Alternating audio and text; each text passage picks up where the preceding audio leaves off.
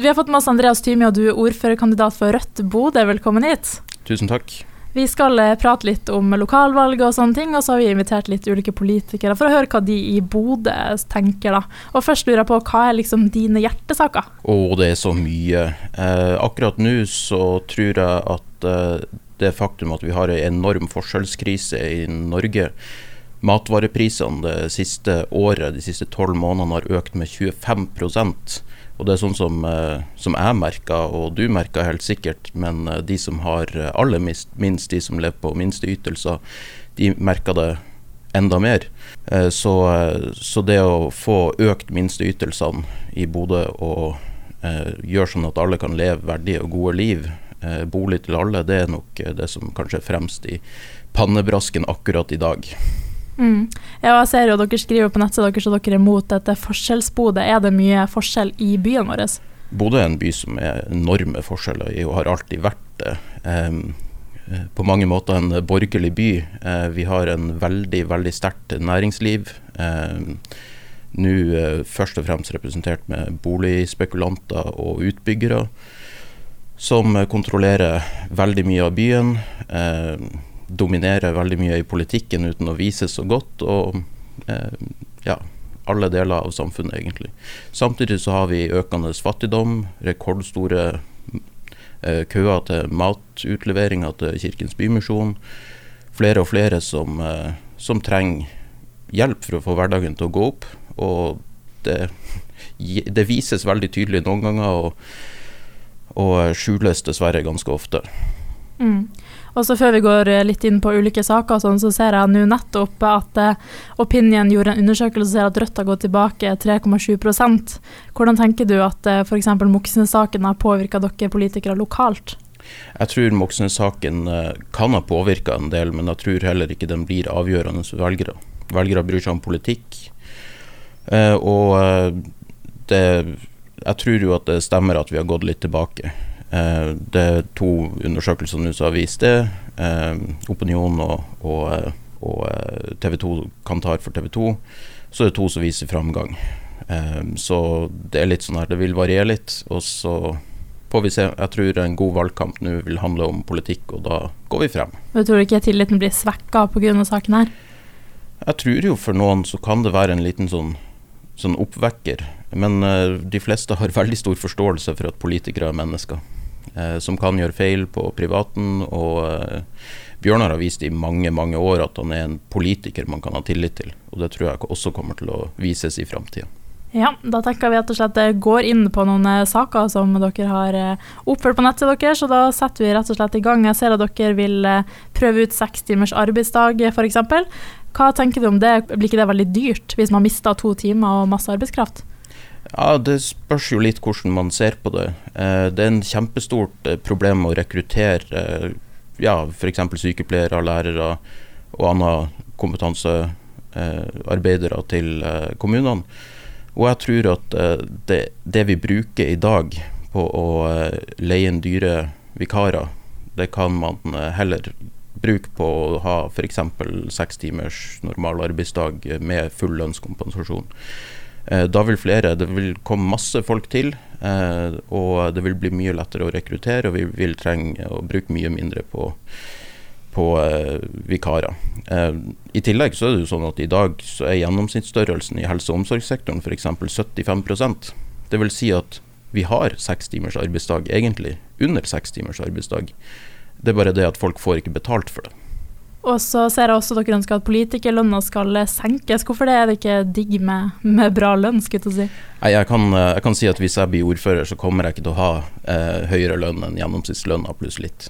Eh, vi, eh, vi, mener at det skal settes en makslønn på politikere på 7G.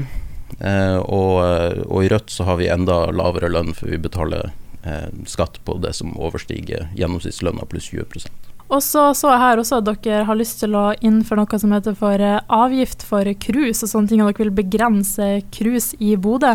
Hvorfor eh, tenker dere det? Er ikke det bra for, eh, for turistnæringa og sånt at folk får se Bodø? Nei, det er faktisk gjort veldig omfattende undersøkelser, og cruiseturister er de som forurenser mest. Det er de som gir minst tilbake til lokalt næringsliv, og det er eh, veldig lite positivt som kommer av cruisebesøk. Eh, samtidig så er det enorme utslipp, og eh, kommunen sitter igjen med veldig lite igjen for det. Så, så det må begrenses, ikke bare i Bodø, men eh, nasjonalt og globalt. Eh, denne typen turisme kan ikke fortsette, rett og slett. Og så ser jeg også dere har lyst til å bygge nye sykehjem og sånne ting. Men eh, dere er jo også imot private sykehjem. Mener ikke dere at det ikke styrker? Er ikke det bra bare med flere tilbud? Eh, nei, det er ikke det. Det som skjer eh, med private, kommersielle sykehjem, eh, det er at lønna til de ansatte blir veldig, veldig lav, mye lavere.